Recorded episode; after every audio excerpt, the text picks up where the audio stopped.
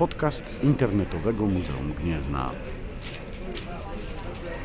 Muzeum Początków Państwa Polskiego w Gnieźnie zaprasza do wysłuchania fabularyzowanego reportażu historycznego Miasteczko. Odcinek pierwszy. Stypa. Bracia żegnali się przed dworcem, unikając spojrzeń spacerujących SS-manów.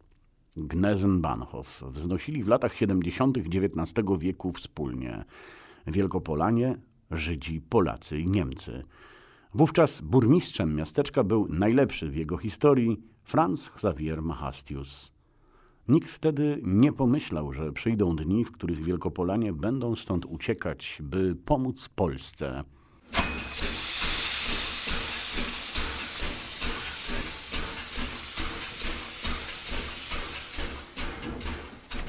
Władek, muszę się przedrzeć.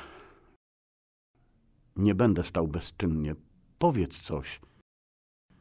Zaopiekujesz się rodzicami? Braciszku, nie bądź w gorącej wodzie kąpany. Wiesz przecież, jak rodzice umierali ze strachu, kiedy biłem się nad bzurą.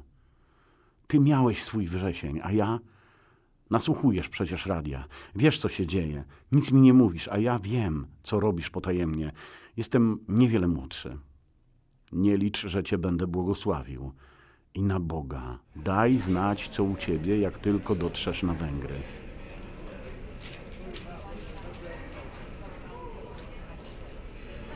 Zapewne padli sobie w objęcia. Być może i spłynęły łzy po kalafach młodych, dzielnych, gotowych. Takich tu wychowano w Gnieźnie. Rodzice i liceum chrobrego. Trzeba było dla ojczyzny akuratnym być i nie mieć fefrów. Tu w Wielkopolsce, w której mało kto blubrał o wojnie, tu gdzie sami sobie wolność wywalczyliśmy, gdzie nie było nienawiści do szkiebrów, którzy niedawno od babki Salz, Pfeffer und Mel pożyczali. Gdzie szparowało się nie tylko bejmy, ale i słowa.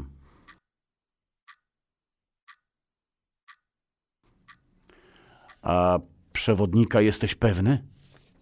Rzucił Władek jeszcze przez ramię. Nie nasłuchiwał nawet odpowiedzi. Zazdrościł bratu, a jednocześnie najchętniej sprałby go na kwaśne jabłko. Zdjął portki i na gołych girach do domu posłał.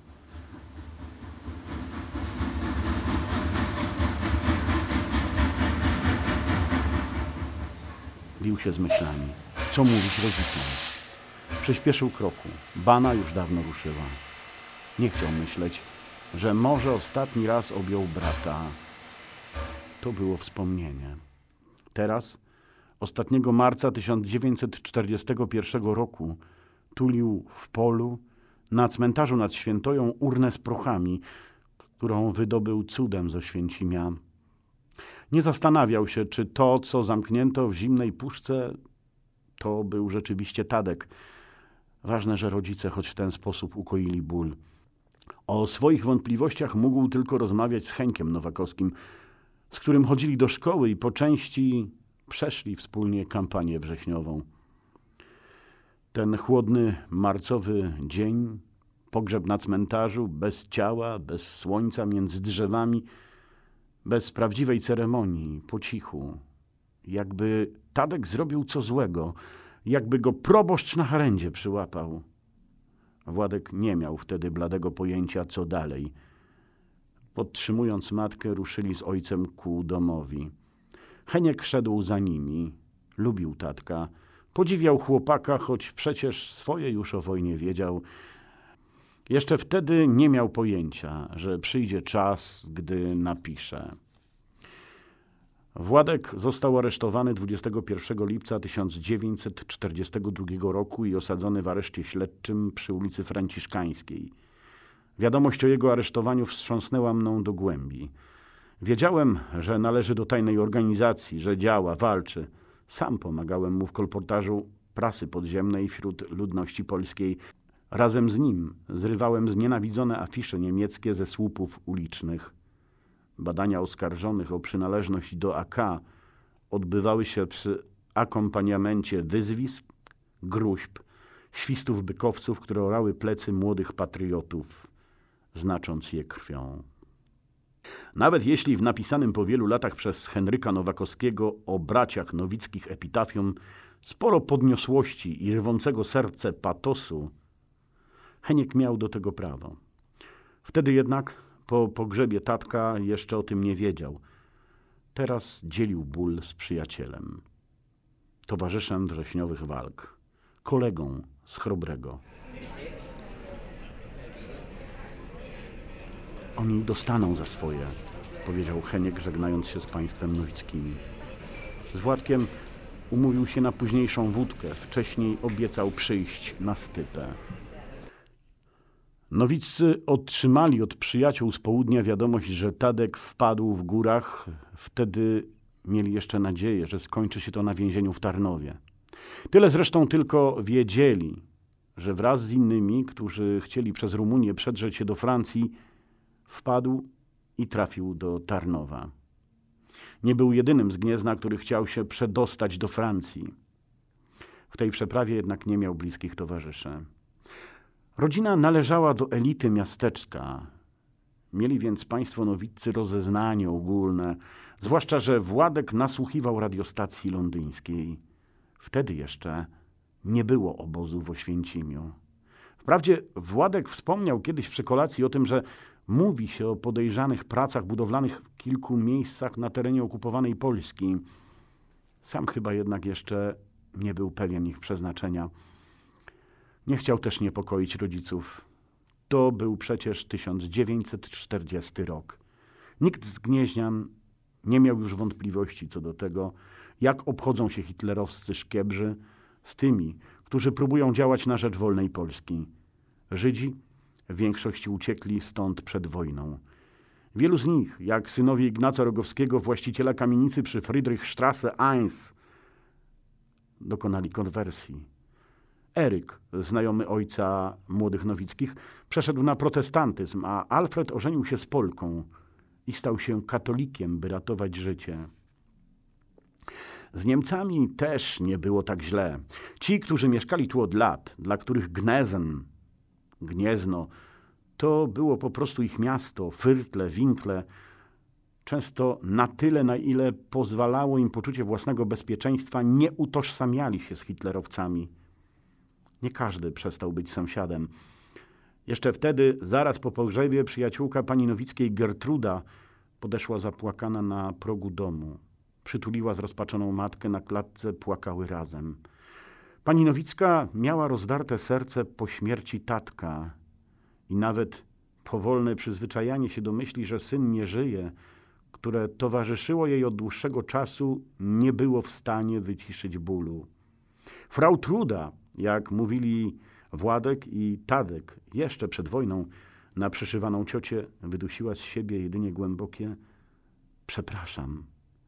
Właściwie nie wiadomo, czy bardziej przepraszała za Niemcy i Niemców, i tę szaloną zbrodnię, czy za to, że zabrakło jej odwagi, by stanąć obok przyjaciółki tam, na cmentarzu niedaleko szkoły Schutzpolizei. Od kwietnia 1940 roku w seminarium usytuowano pierwszą w kraju wartę szkołę policyjną dla Volksdeutschów. Ta gęsta sytuacja trwałaby dłużej, gdyby nie Władek. Mamo, ciociu, ściany mają uszy. Chodźcie do domu.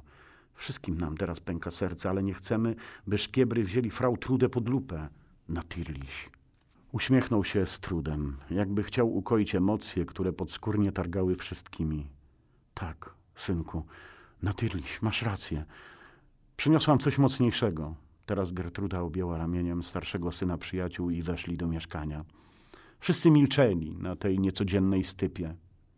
Oprócz rodziców Władka, Heńka Nowakowskiego, który przyszedł później i Trudy, wpadł też Zygfryd Gruszczyński, oficer kulturalny Powstania Wielkopolskiego, dystyngowany i elegancki mężczyzna, który, jak głosi miejska legenda, swoimi pismami, znajomością niemieckiego i prawa, niejednego wyciągnął z tarapatów.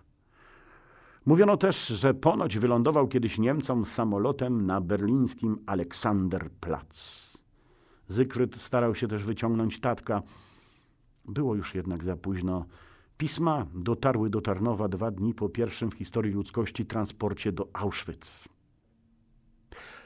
To jednak dzięki niemu Jak mówił rodzicom Władek, udało się wydobyć od Niemców prochy więźnia numer 143.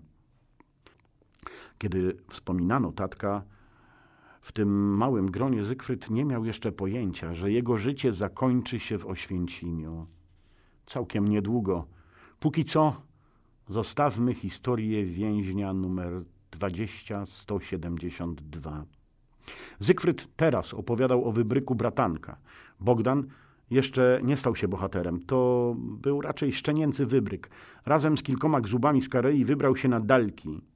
Przedrzeźniać Jungsów z Hitlerjugend. No i powiem państwu, miał więcej szczęścia niż rozumu.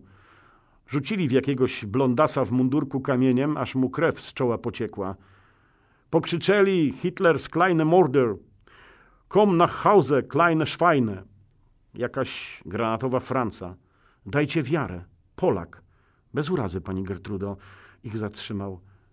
Byłoby kiepsko, gdyby nie to, że babka tego drugiego smarkacza była na Volksliście. Opowiadał. I co tak, bez niczego go puścili? Zapytała Nowicka. Bez niczego, tak zupełnie to nie. Oberwali bykowcem. Bogdanowi ucho też naderwali. No ale strach pomyśleć. Zygfryd zawiesił głos. No i dobrze jest mieć znajomych szkiebrów czasem, powiedziała uśmiechając się pod nosem Gertruda. Spojrzały na siebie z Nowicką i rozpłakały się jednocześnie. Heniek i Władek mieli wrażenie, że słyszą bicie serc obu kobiet. To straszne, co się z nami dzieje, że też nie mogłam, nie mogliśmy pomóc tatkowi, powiedziała drżącym głosem frau Truda, spoglądając wymownie na Zygfryda. Grafolog i tłumacz, mimo że twardy, pogodny, piękny mężczyzna w każdym calu, też miał łzę wokół. To wypijmy za tatka, niech mu tam lepiej będzie, przerwał niezręczność Władek. I za nasze gniezno na Tirliś, dodała Gertruda. Kilku chłopaków z Fyrtla stanęło pod oknami i właśnie teraz z ich gardeł popłynęło. Anielski orszak niech Twą duszę przyjmie, uniesie z ziemi ku wyżynom nieba, a pieśń zbawionych niech ją zaprowadzi, aż przed oblicze Boga Najwyższego. Władek podszedł do okna. Chłopaki z lujówkami w rękach stali nasztramowani jak na jakiejś zbiorce. Mimo, że część stała na bruku w zakrótkich portkach i wypłowiałych jesionkach, wyglądali jak doborowy oddział wojska. Choć nie oddali salwy, rodzice uchylając firankę w drugim oknie pomachali im nieporadnie, ale z widoczną wdzięcznością. Heniek, który dołączył do Władka, bez trudu rozpoznał kolegów tatka i swoich. Byli wśród nich innymi Leonard Frąckowiak, też rocznik 21, Nieraz już podpadł hitlerowcom. Nie stawiał się w wyznaczonych miejscach pracy przymusowej, wdawał się w bójki z Volksdeutschami. To on krzyknął w stronę okien. W środę, na siódmą, cicha mszał fary. Chłopcy rozbiegli się w różne strony, wciskając kaszkiety na głowy. Minutę później przejechała pod oknami nowickich policyjna buda. Mogłam im co dać, jakąś sznekę, rozpłakała się mama tatka. Mamo, to nie kolenda, uśmiechnął się Władek. Pani Nowicka, oni już dawno z krótkich portek wyrośli, powiedział Heniek, a na mnie już czas. Dodał, do widzenia. Do widzenia, Heniek. Dziękujemy za wszystko, odpowiedział Nowicki. Trzymaj się, rzucił wychodzącemu Zygfryd. A my? Władek, za godzinę, tam gdzie zawsze. Rzucił już w progu, Przyszły Belfer. Nie minęło pół godziny, rozeszli się wszyscy żałobnicy. Nowiccy posiedzieli jeszcze chwilę przy stole, ale nikt jednak nie miał już ochoty na rozmowę.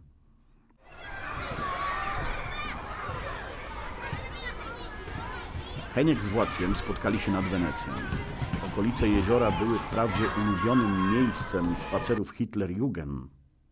Przez to też było tu najciemniej – jak pod latarnią. Heniek rozejrzał się wokół, rozpiął płaszcz i podał flaszkę przyjacielowi.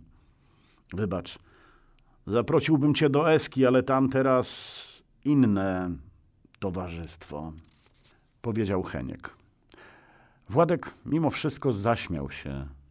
No, chyba byśmy się źle czuli. Teraz uśmiechnęli się obaj. Pociągnęli po głębszym łyku i ruszyli w stronę Świętoi. Wyjątkowo mówili niewiele. Szli od kcyńskiej łaty, nie chcieli spotkać patrolu. Tym razem nie była im potrzebna żadna awantura. Chcieli po prostu przemknąć na cmentarz, stanąć nad grobem, napić się tak po ludzku statkiem. Młodszy Nowicki opowiadał im kiedyś, że chciał być żegnany jak cygan. Tadek, kiedy był jeszcze jako dzieciak urodziny w Pyzdrach, widział Romów, kiedy pili z umarłymi. Opowiadał o tym, jak rodzina cygańskiego króla piła ze zmarłym przed laty królem. Na cmentarzu. Każdy mężczyzna, zanim wychylił kieliszek, jeden wlewał do grobowca. Towarzyszyła temu muzyka i śpiew. Zafascynowany opowiadał o tym magicznym dla niego zdarzeniu przez kilka lat, przy każdej cmentarnej okazji. Czy to było 1 listopada, czy na pogrzebie. Twoje zdrowie, cygański królu. Pierwszy wzniósł flaszkę Heniek i chlusnął w świeżo wykopany grób. Władek wyjął harmonijkę ustną, zagrał na niej jakąś prostą melodyjkę. Wybacz, Tadziu. Śpiewał, nie będę, bracie. Oparł się o krzyż, przechylił butelkę, pociągnął resztę, wlewając w świeży kopiec tuż obok krzyża. Potem postali z Henrykiem w milczeniu. Spojrzeli na siebie bardzo wymownie. To co? Czas na odwet. Zapytał Heniek. Odwet. Odparł bardzo poważnie Nowicki. Zapiął jesionkę, postawił kołnierz. Szczęśliwie wracając, nie trafili SS-manów, bo byli tak naładowani gniewem i goryczą, że wystarczyłoby krzywe spojrzenie i znów wpadliby w łapska hitlerowców. Ciąg dalszy nastąpi. Czytał Jarek Mikołajczyk, muzealny detektyw Muzeum Początków Państwa Polskiego w Gnieźnie. Tekst Jarek Mikołajczyk. Konsultacja literacka Dawid Jung. Nagrano w studiu Centrum Kultury Scena to Dziwna. Produkcja Muzeum Początków Państwa Polskiego w Gnieźnie.